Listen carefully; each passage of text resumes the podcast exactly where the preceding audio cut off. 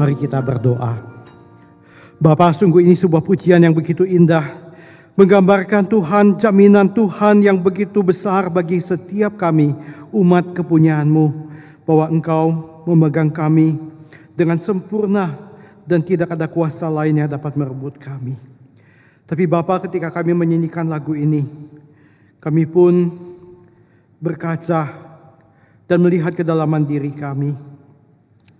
Tuhan, jika lu sungguh ditanya, ketika kami menghadapi bahaya, ketika kami menghadapi penderitaan, ketika kami menghadapi ancaman, ataupun bahkan mungkin itu sekedar sebuah godaan pencobaan yang ringan, Tuhan, apakah kami sungguh-sungguh tetap setia dan kami tidak mengendorkan iman kami? Bapak kami rindu pagi ini firman Tuhan yang akan kami baca dan kami renungkan berbicara kepada kami. Bapa, biarlah roh kudus Tuhan boleh berbicara kepada kami, menghibur kami, menguatkan kami, meneguhkan kami. Bahkan juga mungkin kalau ada teguran dan peringatan yang Tuhan akan nyatakan kepada kami. Kami siap ya Bapa mendengar suaramu. Pakai hambamu yang penuh dengan segala keterbatasan ini. Dan Bapa berkati setiap umatmu pada pagi ini. Demi nama Tuhan Yesus Kristus kami berdoa. Amin. Silakan duduk cuma sekalian. Shalom saudara sekalian. Saya bersyukur sekali dan bersuka cita melihat jemaat GKY Sunter yang Tuhan sangat kasihi. Dan saya excited melihat saudara sekalian semua hari ini boleh datang di rumah Tuhan. Bersyukur untuk tiga tahun pandemi yang kita sudah lalui. Dan hari ini umat Tuhan mulai kembali datang beribadah dengan semangat seperti yang dulu kita boleh bersama-sama beribadah. Saya berdoa sekalian kita semua juga boleh ingatkan teman-teman kita yang lain yang belum uh, datang beribadah. Kita boleh mengajak mereka dan menguatkan mereka untuk mereka juga boleh rindu sebuah kesempatan beribadah kepada Tuhan bersama dengan kita di tempat ini. Saya berterima kasih kepada Tuhan dan juga berterima kasih kepada rekan-rekan hamba Tuhan Majelis GKI Sunter yang memberikan kesempatan pagi ini untuk boleh memberitakan firman Tuhan. So sekalian tema yang diberikan kepada saya dan nats Alkitab yang diberikan adalah saya percaya satu tema favorit dan nats Alkitab favorit yang kita semua tahu dan kita pernah baca. Saya ingat pertama kali saya mengenal perikop ini ketika saya masih berusia remaja dan ikut ya di sebuah kelas KTB tentang jaminan keselamatan yang diajarkan oleh hamba Tuhan saya. Ya dan sejak itu saya memahami ya bagian ini adalah satu bagian Alkitab yang saya paling sukai. Ya karena bicara tentang sebuah tema yang saya paling sukai juga yaitu tentang jaminan keselamatan. Ya tetapi dalam perjalanan waktu saya kembali merenungkan ya ini bukan hanya dari sisi kognitif dan pengetahuan tapi bagaimana dalam pengalaman hidup ya dalam penghayatan rohani ya dan di dalam ya iman kita dan komitmen kita ya bagian ini juga menjadi sesuatu yang sangat penting mengajar kita sebagai umat Tuhan. Saya mengajak cuma sekalian mari kita bangkit berdiri, kita akan membaca Alkitab bersama-sama. Saya akan memakai teks Alkitab dari terjemahan baru dua yang diterbitkan LAI awal tahun ini yang uh, tidak banyak berbeda tetapi ada bagian-bagian yang sangat baik dan saya recommended jemaat boleh membeli ya Alkitab uh, terjemahan baru yang kedua di toko buku ya karena aplikasi digital belum ada sampai dua tahun ke depan tapi ini akan menjadi satu uh, referensi yang sangat baik ketika kita membaca Alkitab. Saya akan bacakan ayat 31 saudara 32 demikian seterusnya. Sebab itu apa yang akan kita katakan tentang semuanya itu jika Allah di pihak kita siapakah yang akan melawan kita?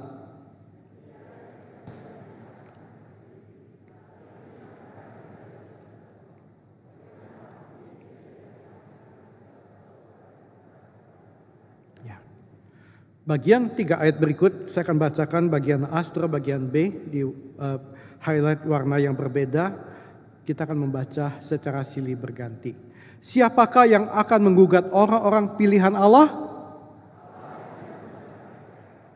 Siapakah yang akan menghukum mereka?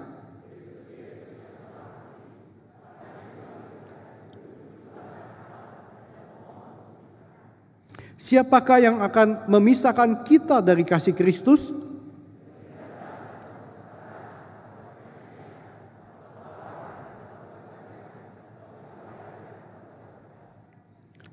Kita akan baca kembali ayat demi ayat. Seperti ada tertulis oleh karena engkau kami ada dalam bahaya maut sepanjang hari.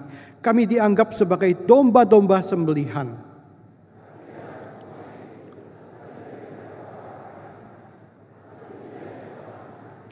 Sebab aku yakin bahwa baik maut maupun hidup, baik malaikat-malaikat maupun pemerintah-pemerintah, baik yang ada sekarang maupun yang akan datang, atau kuasa-kuasa, maupun yang di bawah ataupun suatu makhluk lain tidak akan dapat memisahkan kita dari kasih Allah yang ada dalam Kristus Yesus Tuhan kita. Silakan duduk cuma sekalian. Diberkatilah setiap kita yang membaca firman Tuhan, merenungkannya, menyimpannya di dalam hati dan mengingatnya serta melakukannya di dalam kehidupan kita. Cuma sekalian, uh, sesudah pandemi ini, ada sebuah fenomena yang sering dan banyak terjadi yang kita bisa jumpai di gereja, di tempat kerja, ataupun mungkin di komunitas teman-teman kita. Ya fenomenanya itu adalah mungkin saudara kalau lihat lukisan ini saudara akan tahu ya. Di mana sesudah dua tahun lebih, tiga tahun sepatu yang kita sudah lama nggak pakai, apalagi sepatu pesta. Karena kita sudah dua tahunan tidak pergi ke pesta ulang tahun dan pesta pernikahan Ketika kita keluarkan kembali sepatu itu, eh sepatunya mangapuk gitu ya. Ada jemaat yang mengalami ketika pakai ke gereja waktu baru keluar rumah masih baik-baik. Eh sampai di gereja sepatunya mangap begitu. Karena lemnya yang sudah dua tahun lebih, tiga tahun itu kering ya dan kemudian copot.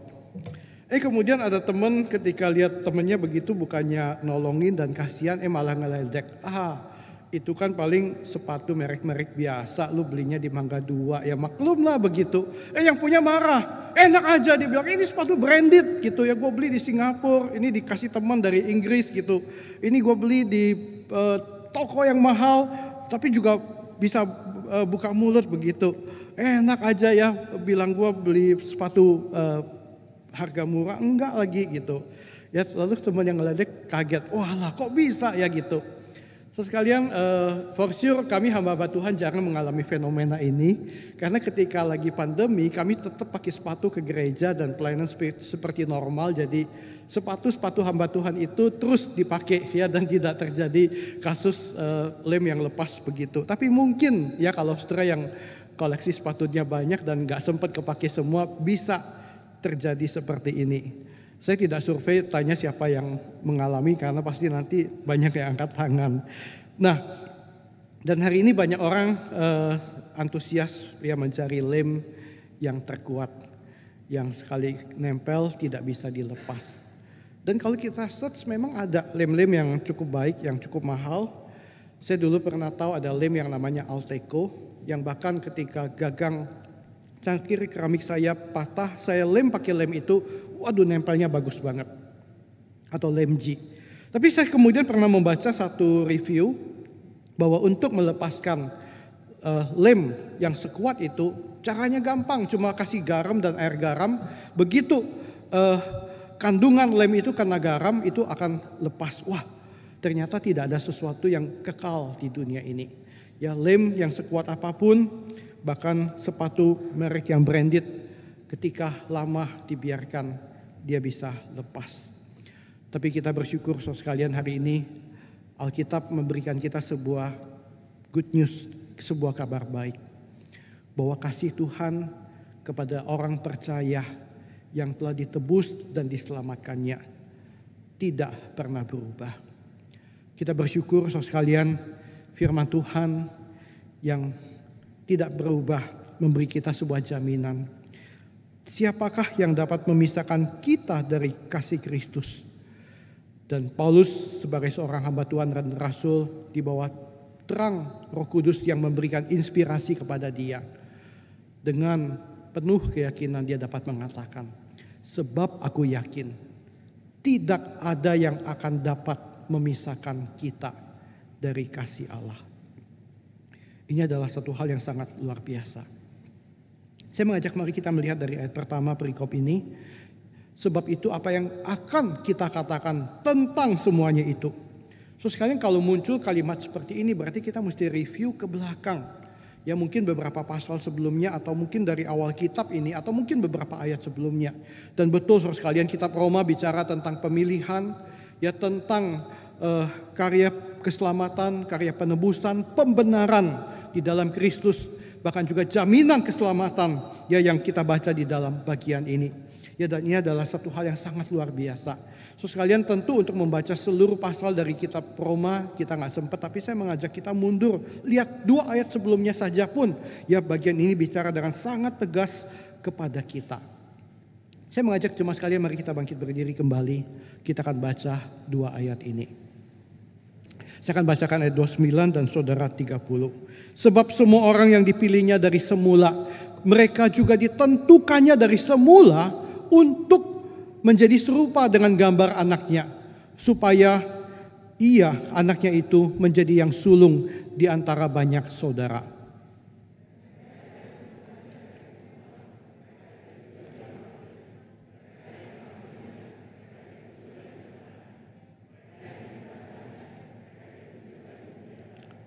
Amin. Silahkan duduk saudara sekalian. Ini satu kebenaran yang luar biasa. So sekalian, proyek saudara dikuduskan. Saudara di persiapkan Tuhan untuk hidup kudus dan tak bercela di hadapannya. Bukan sebuah proyek yang berjalan satu dua tahun atau lima tahun atau sepuluh tahun. So ini adalah sebuah grand design yang ada di dalam pikiran Tuhan sejak sebelum dunia diciptakan. Ketika Alkitab mengatakan semua yang dipilihnya dari semula. Ya ini bagian bicara tentang long time ago, ya bahkan di dalam kekekalan sebelum seluruh alam semesta ini diciptakan. Saudara sekalian ada di dalam rancangan Tuhan untuk menjadi miliknya, untuk dikuduskannya, untuk diciptakan, dijadikan serupa dengan gambar Yesus Kristus anak Allah yang kudus dan mulia. Saudara ini sesuatu yang bagi saya sangat dahsyat dan tidak masuk akal manusia. Saudara, saudara tahu nggak berapa besar ukuran rentang alam semesta yang bisa diprediksi oleh ilmu pengetahuan hari ini? Saudara kalian menurut uh, NASA, based on teleskop yang paling canggih yang bisa melihat paling jauh, saudara sekalian mereka menemukan satu angka yang dulunya selalu berubah-berubah dan mungkin ke depan masih berubah juga.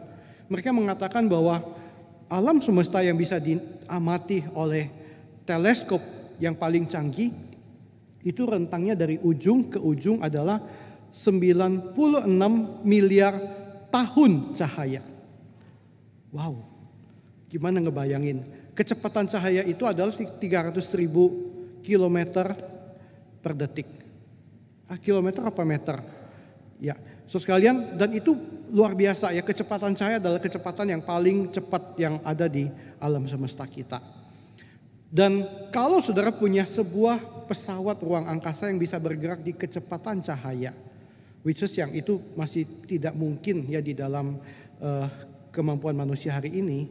Tapi kalau saudara bisa bergerak dengan kecepatan cahaya, saudara butuh waktu 96 miliar tahun untuk bergerak dari ujung satu alam semesta ke ujung yang lain yang diketahui oleh teknologi manusia hari ini. So sekalian bayangkan Tuhan punya sebuah grand design yang begitu besar tapi dia peduli kepada saudara dan saya sebelum ketika dia menciptakan semuanya ini dia berpikir tentang saudara dan saya yang hidup di abad ke-20 dan ke-21 ini. Dan dia merencanakan bahwa kita akan dikuduskan di dalam dia. Ini mirip dengan seorang kontraktor yang dikasih kerjaan sama pemerintah Indonesia, let's say dia diborong semua pembangunan kota IKN atau pembangunan sebuah bandar udara yang ratusan hektar besarnya. Dan si kontraktor ini mendapatkan ya seluruh kerjaan ini satu orang sendiri Lalu kemudian ada satu karyawannya ngomong, Pak, ada satu baut kecil yang hilang. Tolong Bapak datang dan bisa nggak bantu saya mencari baut kecil ini? So sekalian saya yakin si kontraktor ini bilang gila lu, gua ini lagi dapat proyek yang begitu besar, urusan satu baut kecil suruh gua yang cari. Dipecat so sekalian itu karyawan itu, nggak ada kerjaan suruh saya cari sebuah baut yang kecil. So sekalian dibandingkan dengan alam semesta dengan kita, kita itu lebih tidak worth it ya antara uh, level IKN dibandingkan sebuah paku yang kecil. Tapi Tuhan begitu peduli dengan saudara dan saya yang begitu kecil. So sekalian planet bumi yang kalau dibandingkan dengan seluruh alam semesta hanya sebuah titik, satu debu yang kecil banget. Tapi Tuhan begitu peduli. Dan dia peduli kepada makhluk yang tinggal di planet bumi ini. Yang ternyata dia ciptakan dalam gambar dan rupanya. Dan itu adalah Anda dan saya.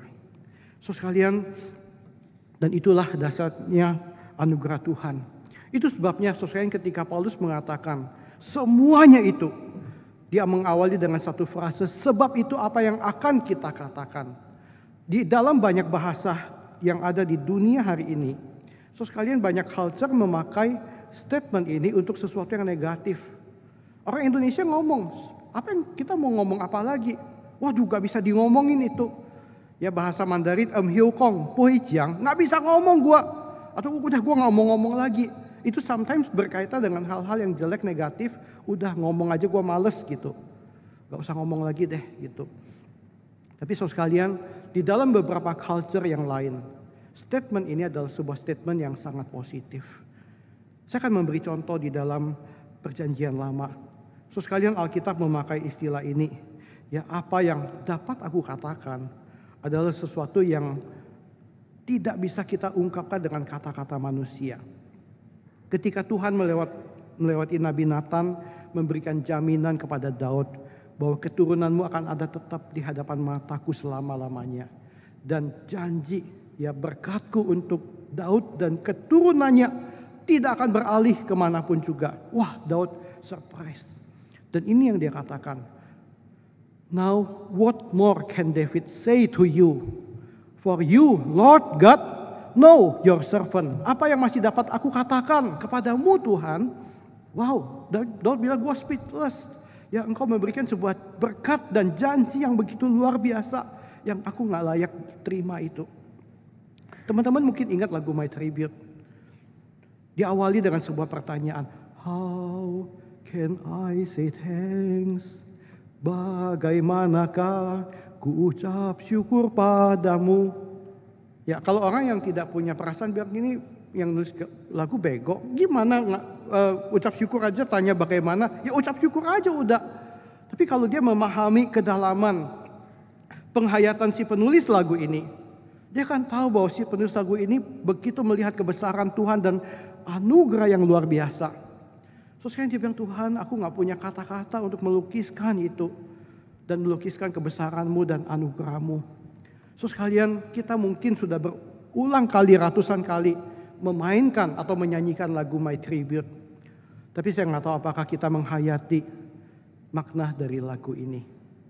Dan apakah saudara sekalian hari ini sebagai orang Kristen, engkau juga adalah orang-orang yang masih menghayati bahwa anugerah keselamatan yang Tuhan berikan itu sesuatu yang kita sangat takjub dan bersyukur.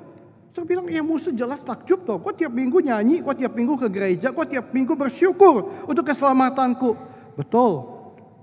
Dengan mulut bibir kita, dengan lagu-lagu yang keluar dari mulut kita, dengan pengetahuan kita. Tapi apakah di waktu yang sama, saudara sekalian, ada api roh kudus yang membakar di hatimu. Dan dari kedalaman hatimu, ungkapan syukur itu meluap. Bukan sekedar sebuah lip service tapi sesuatu yang kita hayati, yang kita alami, yang kita yakini, yang kita imani. Yang ketika kita mengatakan kepada Tuhan, God, I means it. Aku memaknai itu. Dan aku mengalami itu. Sesuai untuk mengajak kita melihat lebih jauh lagi, saya akan masuk ke ayat 32. Firman Tuhan mengatakan, dia Tuhan yang tidak menyayangkan anaknya sendiri tetapi juga menyerahkannya bagi kita semua. Bagaimana mungkin tidak mengaruniakan segala sesuatu kepada kita bersama dengan dia? Kata God who did not spare his son adalah satu uh, frase di dalam bahasa Yunani yang kemudian dikompar ke terjemahan PL ke Yunani. Ya, PL aslinya ditulis dalam bahasa Ibrani tapi di satu waktu kemudian diterjemahkan menjadi bahasa Yunani namanya Septuaginta. Dan di dalam seluruh kitab Septuaginta yaitu perjanjian lama berbahasa Yunani, frasa itu hanya dipakai satu kali ketika menerjemahkan kisah Abraham. Di mana ketika Abraham akan mengorbankan Ishak bagi Tuhan dan malaikat Tuhan mengatakan Abraham stop jangan lakukan lagi sebab aku tahu engkau mengasihi aku, engkau menghormati aku dan engkau tidak menyayangkan anakmu Ishak untuk dipersembahkan kepadaku. Itu memakai kata yang sama. So sekalian kisah Abraham adalah sebuah kisah yang Tuhan izinkan terjadi di dalam sejarah untuk menggambarkan tentang kasih dari Allah Bapa kepada umat manusia. Ketika di dalam kisah Abraham, Abraham dicegah dan dia tidak sampai harus mengorbankan Ishak. Tetapi di dalam karya keselamatan dan penebusan, Bapa di surga mengizinkan dan kehilangan anak tunggalnya. Ketika Yesus mati di kayu salib untuk menggantikan engkau dan saya. Dan untuk kita bisa melihat lebih dalam lagi keajaiban kasih karunia Tuhan. Saya mau bertanya, dan ini multiple choice, hanya dua jawab, dua pilihan. Saya minta tidak ada satupun yang nggak pilih. Ya, so sekalian kalau saudara ditanya, Yesus berkorban di kayu salib, dia mati untuk dosa-dosa kita, atau dia mati untuk diri kita? Saudara pilih yang mana? Saudara bilang ini musuh bikin bingung. Dua-dua benar kok musuh. Masa nggak boleh pilih dua-dua? Iya sih dua-dua benar. Tapi kalau saudara hanya boleh pilih satu. Mana yang lebih benar menurut saudara? Saudara kan pilih jawaban yang mana? Multiple choice. Kalau saudara tidak choice, make a choice, musuh suruh ke depan, kasih penjelasan, mungkin saudara punya jawaban yang lain. Jadi tolong kita akan jawab ya. Saya mau tanya dulu, menurut saudara siapa yang mengatakan merasa lebih pas Yesus mati untuk diri saya? Angkat tangan. Oke. Oke, kalau gitu yang angkat tangan karena saudara adalah orang Kristen yang berintegritas dan konsisten, berdiri berani menyatakan pendapat saudara. Tolong. Silakan ada? Ya, nggak apa-apa, berdiri, berdiri. Tadi KU1, KU2 juga sama kok. Oke, tiga orang. Satu, dua, tiga, empat, lima, enam, tujuh. Satu, dua, tiga, empat, lima. Eh, jadi lima. Yang tadi nggak jadi ya? Jadi, kalau jadi berdiri, jangan duduk. Satu, dua, tiga, empat, lima, enam, tujuh. Delapan, sembilan. Eh, ini berdiri terus ya, bukan bukan karena. Oke, ya. Oke, baik. Terima kasih. Silakan duduk. Yang mengatakan Yesus mati untuk dosa-dosa saya, angkat tangan. Oke, tolong berdiri. Satu, dua, tiga, empat, lima, enam, tujuh, delapan, sembilan, sepuluh, sebelas, dua belas. Lebih banyak, oke. Wah, ini kita bakal terima kasih silakan duduk. Yang tidak angkat tangan cukup banyak. Tolong satu-satu maju ke depan dan beri penjelasan kepada saya. So sekalian, karena dari sini saya akan menunjukkan kepada saudara sekalian satu pemahaman. Kita masuk sedikit lebih jauh ya, nanti saya akan kasih jawabannya. Mahatma Gandhi pernah mengajarkan kita satu prinsip yang sangat baik. Bencilah dosa, tapi kasihi orang berdosa. Setuju nggak? Kita kalau lihat ada orang berdosa, wow kita jengkel banget, tapi ya jangan benci orangnya, tapi benci dosanya. Oke. Lalu kemudian kita sering mendengar di mimbar ya dikotbahkan begini. Tuhan membenci dosa. Tapi Tuhan kita adalah Tuhan yang mengasihi orang berdosa. Amin. Amin. Amin. Yang mengatakan amin angkat tangan. Oke, cukup banyak. Baik. Nah, so sekalian, sorry to say. Saya harus mengatakan untuk statement Mahatma Gandhi, kalau diterapkan kepada kita manusia yang melihat orang berdosa, itu betul. Di dalam bentuk kita toleransi, kita compassion kepada orang berdosa untuk tetap mau merangkul dia. Kita benci dosanya, tapi kita jangan benci orangnya. Tapi ketika sampai pada statement Tuhan membenci dosa, tapi dia mencintai orang berdosa. Sorry to say, statement ini separuh benar, separuh salah. Statement ini tidak lengkap. Dan statement ini kalau search ya di tulisan banyak teolog-teolog Kristen, mereka telah dengan tegas mengatakan ini sesuatu yang sangat keliru. Tapi walaupun banyak orang mengatakan ini, tapi karena ini sering menjadi sebuah statement naif dari para pengkhotbah yang tidak belajar baik-baik dan orang Kristen yang naif, kita masih selalu mengamini dan mengatakan itu betul. Mengapa saudara sekalian saya akan jelaskan. Seorang hamba Tuhan mengatakan dosa itu tidak bisa ada atau eksis dengan sendirinya. Dosa itu bukan sebuah konsep yang melayang-layang di, di angkasa sana yang Tuhan benci, ya udah kemudian Tuhan buang. Dosa baru menjadi dosa kalau dilakukan oleh manusia yang membuat dosa itu. Dosa tidak punya kualitas moral yang terpisah dari pelakunya. Dosa adalah sesuatu yang Anda ketika memakai Anda ini penulis lain mengatakan artinya saya dan saudara. Sesuatu yang telah kita lakukan. Kesalahan itu jatuh pada kita, Anda dan saya. Itu sebabnya Tuhan murka kepada Anda dan saya Murka Allah ditujukan kepada manusia, kepada pelaku dosa Anda dan saya. Dan dia akan menghukum Anda dan saya. John Piper mengatakan, dosa bukanlah dosa kecuali dilakukan oleh hati yang berdosa. Dosa adalah ekspresi anti Tuhan, kerusakan manusia di hati manusia.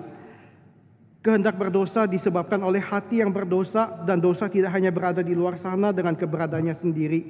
Dosa ada di dalam hati di dalam diri pendosa. Kalau tidak dia bukan apa-apa. Dia bukan konsep yang melayang-layang yang kemudian bisa disalahkan begitu saja.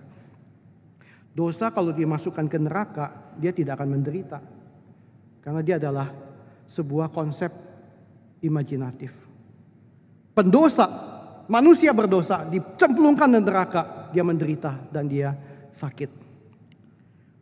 Dan Saudara sekalian satu hal yang kita mesti memahami. Kalau kita membaca Alkitab, bahasa Alkitab ngomongnya seperti apa? Tuhan itu benci orang berdosa. Sebab engkau bukanlah Allah yang berkenan kepada uh, kefasikan. Orang jahat takkan menumpang padamu. Pembual tidak akan tahan di depan matamu.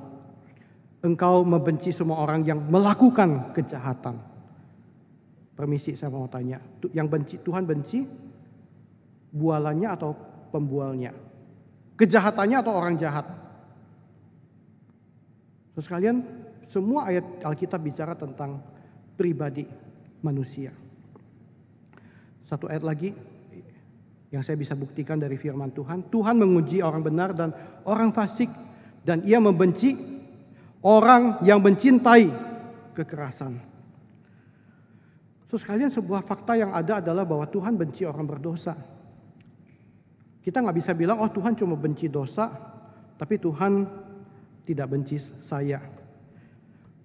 Cuma memang ada sebuah paradoks dan untung paradoks ini ada itu menjadi good news bagi kita. Paradoksnya adalah bahwa Tuhan benci orang berdosa, tapi dia juga sanggup mengasihi orang berdosa di waktu yang sama. Nah, so sekalian kualitas ini yang kita nggak bisa miliki. Kenapa? Karena manusia tidak bisa membenci dengan sempurna ataupun mengasihi dengan sempurna. Kita mencintai pasangan kita, keluarga kita, rekan-rekan kita, sahabat kita. Tapi kita adalah manusia terbatas yang tidak sanggup mengasihi dengan sempurna. Kadang-kadang pasangan kita salah dikit, eh kita baper. Kita ego, kita punya hawa nafsu yang kemudian ketika kita mulai marah, kita nggak sanggup mencintai dengan sempurna. Dan sisi lain kita nggak bisa membenci dengan sempurna. Begitu kita benci seseorang, jahat, niat jahat dan dosa muncul di hati kita. Dan kita menjadi ikut berdosa. Tapi Allah yang Maha Kudus dapat melakukan itu. Karena dia adalah Allah yang sempurna. Ketika dia melihat orang berdosa, dia marah, dia murka. Ya bukan karena dia jatuh dalam dosa atau tergoda dalam pencobaan. Tapi karena konsistensi kekudusannya yang sempurna itu. Di waktu yang sama dia bisa membenci orang berdosa. Tapi di waktu yang sama dia mengasihi orang berdosa. Ya ini konsep yang lengkap yang kita mesti pahami. Nah, sehingga ketika kembali kepada Tuhan Yesus yang mati di kayu salib, so sekalian betul Tuhan Yesus itu mati untuk karena dosa-dosa kita. Tapi so sekalian itu adalah second point yang jangan kita kemudian naikkan jadi poin utama. Yang utama adalah Yesus mati demi saudara dan saya. Mengapa ini harus menjadi sebuah pegangan utama kita supaya kita take it personal. Begitu sering saudara sekalian konsep itu kita punya sebuah teologi yang begitu baik. Tapi kemudian itu memisahkan diri kita dari dosa-dosa kita. Dan kita berpikir aduh gue mau dosa ribuan kali puluhan ribu kali. Yang penting tiap minggu gue datang ke gereja ngaku dosa, udah. Dosanya taruh di kayu salib, dipakukan sama Tuhan Yesus, udah. Gue uh, beres lagi. Dan kita tidak pernah merasa takut dengan dosa. Bahkan ketika kita lagi berdosa, kita bisa bilang udah gue masih punya waktu kok. Nanti kalau gue udah puas nikmatin dosa, gue ngaku dosa, Tuhan ampuni. Tuhan kan gak mungkin marah terus sama saya. Kalau gue udah minta ampun, pasti diampuni. Sorry to say, sekalian, kita adalah orang Kristen yang punya teologi yang sangat baik, tapi tidak mengimplementasikan teologi itu dengan sebuah sikap yang hormat kepada Tuhan dan hidup takut kepada Tuhan. For sure, Tuhan Yesus mati di kayu salib untuk Anda dan saya, orang berdosa yang seharusnya dimurkai oleh Tuhan. Ketika kita take it personal, masalah dosa itu. Dan ketika kita tahu bahwa kita diampuni oleh anugerah Tuhan, di situlah saudara sekalian, saudara dan saya baru bisa mengerti betapa anugerah Tuhan itu ajaib. Betapa anugerah Tuhan itu awesome dan dahsyat dan kita baru takjub kepada dia. Ketika kita mengerti bahwa kita adalah seorang terdakwa yang tidak bisa dilepaskan dari hukuman mati tapi kemudian ada seorang yang bersedia menggantikan hukuman itu bagi kita. Kita baru berterima kasih dan bersyukur. Hari ini ada banyak orang yang melanggar hukum ketika dimasukkan ke kursi pengadilan. Dia tenang-tenang. Karena dia berpikir tenang gue bisa suap hakimnya. Gue punya power di belakang yang bisa membela saya. Paling-paling cuma vonis sebentar gue masuk penjara. Dilihat sama wartawan habis itu gue bisa, bisa lari. Dia tidak pernah merasa hancur dan ketakutan. Tapi ketika dia tahu bahwa kondisinya tidak mungkin untuk lari, di situ dia baru akan menyadari, kalaupun sampai dia boleh selamat dan ada orang yang berkorban menggantikan dia, dia baru akan bersyukur kepada Tuhan. So sekalian saya akan mengajak kita melihat tiga ayat berikut di bagian ini. Tadi saya mengajak saudara membaca dan di dalam telinga saya yang berusaha menangkap tone saudara membaca ini. Ya ketika saya mengatakan membaca kalimat tanya di awal di atas siapakah yang akan menggugat orang-orang pilihan Allah? Ya kalau kalimat tanya biasanya tone di akhir itu akan naik ke atas. Ya. Tadi sebagian yang menjawab e, membaca jawabannya begini, Allah yang membenarkan mereka. Turun. Ya, tapi juga ada yang membacanya begini, Allah yang membenarkan mereka. Ya, kalau tanya mestinya naik kan gitu kan. Nah sekalian sebenarnya eh, ada satu usulan koreksi yang sangat penting harusnya diperhatikan oleh Lembaga Alkitab Indonesia. Bahkan di versi Alkitab TB2 ini masih seperti ini. So sekarang kalau kita memperhatikan Alkitab bahasa Inggris dan Alkitab bahasa Mandarin, mereka menafsirkan ya dari teks Yunani yang memang tidak ada tanda tanya di bagian itu. Ya saudara kalau perhatikan ini teks Alkitab Mandarin. Ya yang kuning ada tanda tanya, yang putih titik. Yang kuning tanda tanya, yang putih titik. Sampai di ayat 35 pertanyaan yang ketiga baru yang putihnya itu tanda tanya semua. Artinya apa? Semestinya teks asli dalam bahasa Yunani dan kalau saudara melihat semua Alkitab bahasa Inggris penulisannya harusnya begini. So sekalian Paulus itu sedang uh, berorasi ya dengan pertanyaan dan jawaban yang dia berikan dan ini yang seharusnya menjadi tata bahasanya. Siapakah yang akan menggugat orang-orang pilihan Allah? Dan Paulus memberikan sebuah jawaban berdasarkan terang inspirasi Roh Kudus, Allah yang membenarkan mereka. Siapakah yang akan menghukum mereka? Kristus Yesus yang sudah mati. Tegas. Bahkan yang dibangkitkan duduk di sebelah kanan Allah dan memohon untuk kita. Dan di pertanyaan yang ketiga baru kemudian dijawab dengan sebuah pertanyaan retoris, jawaban retoris berbentuk pertanyaan. Pendidasan atau kesengsaraan, atau penganiayaan, atau kelaparan, atau ketelanjangan, atau bahaya, atau pedang. So sekalian sebenarnya di bagian ini Tuhan sedang ingin berkomunikasi dengan kita lewat firman-Nya. Bagian pertama Tuhan ingin mengatakan bahwa ketika engkau dibenarkan gak ada satupun yang bisa menghakimi engkau lagi, menggugat engkau. Memang ada satu pendakwa yang kurang ajar banget. Ya siang malam mendakwa orang-orang pilihan Allah.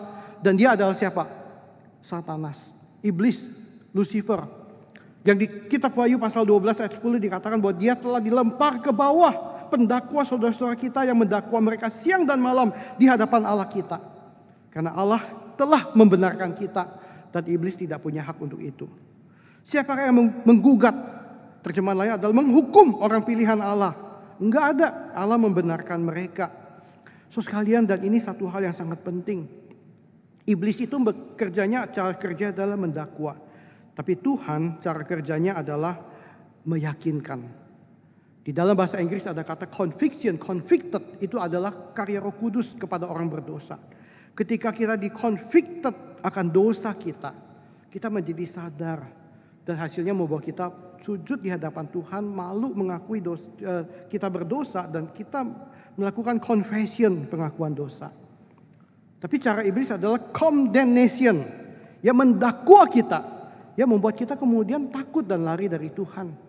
Conviction menarik kita kepada Bapa di surga karena kita setuju dengan kebenaran dan kekudusannya dan kita sujud bertobat di hadiratnya. Tapi condemnation membuat kita jauh dari Bapa karena kita hidup di dalam ketakutan, bukan hormat dan takut, ketakutan ya dan kita tidak akan sampai pada pertobatan itu. Jemaat sekalian, saya berdoa biarlah sebagai gereja Tuhan. Kita adalah gereja yang dipakai oleh Roh Kudus menolong saudara-saudara kita mengalami conviction. Ketika ada orang yang jatuh dalam dosa pencobaan, sebagai orang-orang yang mengasihi, berdoa dan kita berikan conviction ya untuk membawa orang kepada confession dan pertobatan. Bukan melakukan condemnation dan membuat orang jatuh uh, jauh dari Tuhan. Dan satu hal yang sangat luar biasa adalah ketika ayat 34 mengatakan siapa yang menghukum mereka? Yesus sudah mati, duduk di sebelah kanan Allah Bapa dan memohon untuk kita. Ada sebuah perbedaan besar antara imam yang melayani di perjanjian lama di kemah suci dan bait Allah dengan Tuhan Yesus yang adalah imam besar di hadirat Bapa. Bedanya ada di mana? Bedanya adalah imam di perjanjian lama begitu dia masuk ruang kudus melakukan uh, mempersembahkan korban pendamaian dan pengakuan dosa. Tidak ada tempat duduk bagi dia untuk duduk selama-lamanya dan dia harus keluar Kemudian ketika dia bertugas dia mesti masuk lagi dengan darah anak domba dikuduskan, masuk lagi lakukan tugas, keluar lagi. Dia akan keluar masuk, keluar masuk berulang kali. Tapi sesudah Tuhan Yesus menuntaskan karya penebusan, Alkitab mengatakan dia duduk di sebelah kanan Allah untuk memohonkan bagi kita. Itu artinya apa? Anytime engkau menyadari engkau ada di tengah sebuah pencobaan engkau ada di jurang yang hampir jatuh ke dalam dosa. Ataupun mungkin engkau sudah kecemplung jatuh dalam dosa. Pada detik yang sama engkau boleh datang Tuhan ampuni aku. Tuhan kasihani aku. Sekalian di waktu yang sama sang imam besar akan melakukan karya pendamaian untuk menghapus dosamu dan mengampuni engkau. Sosok ini adalah satu privilege yang sangat besar yang dikerjakan dan diberikan oleh Allah yang Maha Kudus dan mulia kepada saudara dan saya yang begitu tidak layak. Saya berharap ketika kita memahami kebenaran ini, kita tidak take it for granted. Kita cuma tahu sebatas pengetahuan teologi, tapi kita tidak menghidupi dan mengimani itu. Tapi saya rindu saudara ketika kita membaca firman Tuhan dan mengerti ini. Kita boleh menghidupi sebuah kehidupan iman yang sungguh-sungguh hormat dan mencintai Tuhan. Dan di pertanyaan yang ketiga, ketika Roh Kudus memakai Paulus menuliskan sebuah jawaban di dalam bentuk pertanyaan. Sesuai khusus bagian ini, ini adalah sebuah pengalaman hidup dari Paulus. Tapi juga Tuhan sedang memakai ayat-ayat ini untuk bertanya kepada kita. Sudah pasti saudara sekalian, kalau dari sisi Tuhan, sisi Allah, keselamatan kita adalah satu jaminan yang pasti. Tidak ada kuasa lain yang sanggup merebut engkau dan saya dari tangan Tuhan yang penuh kuasa yang memegang engkau sebagai miliknya. Tapi maaf, kalau itu dikembalikan ke sisi kita, Tuhan pasti menjaga kita. Apakah saudara sekalian waktu kita ditanya, kita mengatakan betul Tuhan, anytime aku menderita, aku susah, aku tidak akan tinggalkan Tuhan. Saudara sekalian dan saya percaya di dalam iman yang sejati dan teologi yang kita percaya, ya Tuhan sanggup memberikan iman yang kuat memelihara kita. Saya tidak ragu itu. Tapi sering kali di dalam perjalanan iman ketika kita tidak menghayati, kita bisa keserempet, kita bisa jatuh bangun. Satu kali ada seorang teman menceritakan dia mengamati ada empat tipe orang Kristen di gereja. Tipe orang Kristen pertama adalah orang-orang Kristen yang ketika dia diberkati, sehat-sehat, baik-baik, sukacita, dia setia melayani Tuhan, dia setia mempersembahkan, dia setia melayani, dia setia datang ibadah, bahkan setia bersaksi kepada Tuhan. Tapi ketika dia menderita, dia mundur dari imannya dan dia tinggalkan Tuhan. Ada tipe orang Kristen yang kedua, ketika dia lagi menderita, lagi susah, dia mencari Tuhan, memohon pertolongan, minta belas kasihan Tuhan. Tapi waktu hidupnya diberkati, sehat, baik-baik, semua eh, lancar, Eh imannya jadi kendor, dia mundur. Dia mengatakan sorry sekarang banyak bisnis, banyak kesibukan, gue gak bisa lagi ke gereja. Ya titip salam aja sama Tuhan Yesus ya buat kamu-kamu yang rajin. Wow. Ada tipe yang ketiga. Ya dia hanya dibaptis satu kali dan sepanjang tahun jarang ke gereja. Baik lagi menderita maupun lagi senang dia jauh dari Tuhan. Ya yang ini kasihan ya. Ada tipe yang keempat.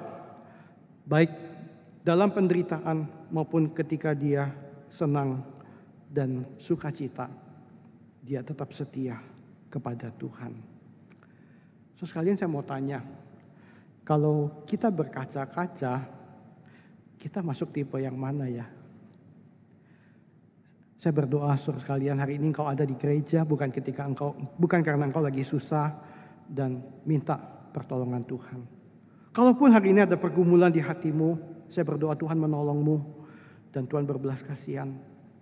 Tapi ketika pertolongan Tuhan tiba dan engkau dipulihkan, engkau tetap setia. Saya juga berdoa saudara kalau hari ini kau diberkati dan baik-baik. Engkau setia pada Tuhan, puji Tuhan. Tapi kalau satu hari Tuhan izinkan badai pencobaan menimpa, menguji kita. Di waktu itu kita boleh tetap setia dan tidak undur dari Tuhan. So sekalian saya rindu biarlah kalau kita memahami satu sisi Tuhan yang sempurna yang menjaga kita.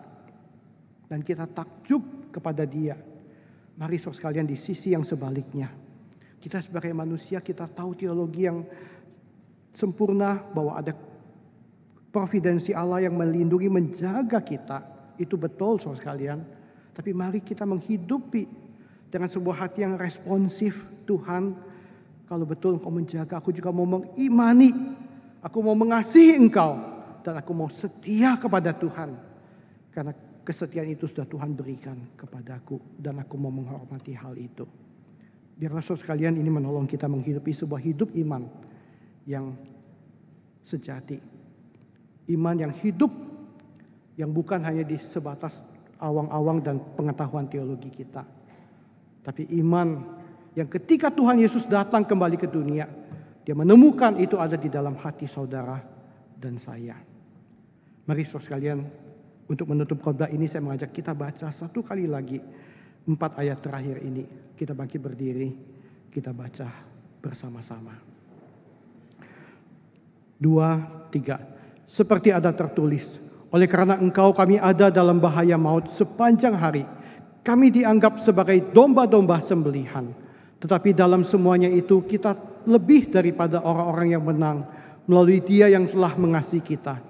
Sebab aku yakin bahwa baik maut maupun hidup, baik malaikat-malaikat maupun pemerintah-pemerintah, baik yang ada sekarang maupun yang akan datang, atau kuasa-kuasa, baik yang di atas maupun yang di bawah, ataupun suatu makhluk lain, tidak akan dapat memisahkan kita dari kasih Allah yang ada dalam Kristus Yesus, Tuhan kita.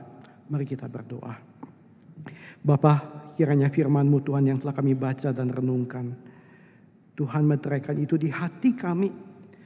Firman-Mu boleh menjadi firman yang hidup yang menopang kami, memampukan kami boleh hidup sebuah hidup yang kudus, yang hormat kepada Tuhan dan mengasihi Tuhan. Dan Bapak biarlah Tuhan kami boleh hidup berjalan di dalam sebuah ketakjuban, sebuah kekaguman akan kasih karunia Tuhan yang begitu ajaib yang telah menebus kami dan menyelamatkan kami. Dan Bapak hamba berdoa biarlah setiap umatmu di tempat ini menjadi umat Tuhan yang setia baik ketika mereka dalam kesusahan atau sukacita dan kesenangan. Berkat Tuhan tetap menopang, menyertai, dan kami boleh tetap setia mengasihi Tuhan dan hidup berpaut erat dengan Engkau ya Tuhan. Demi nama Tuhan Yesus kami berdoa. Amin.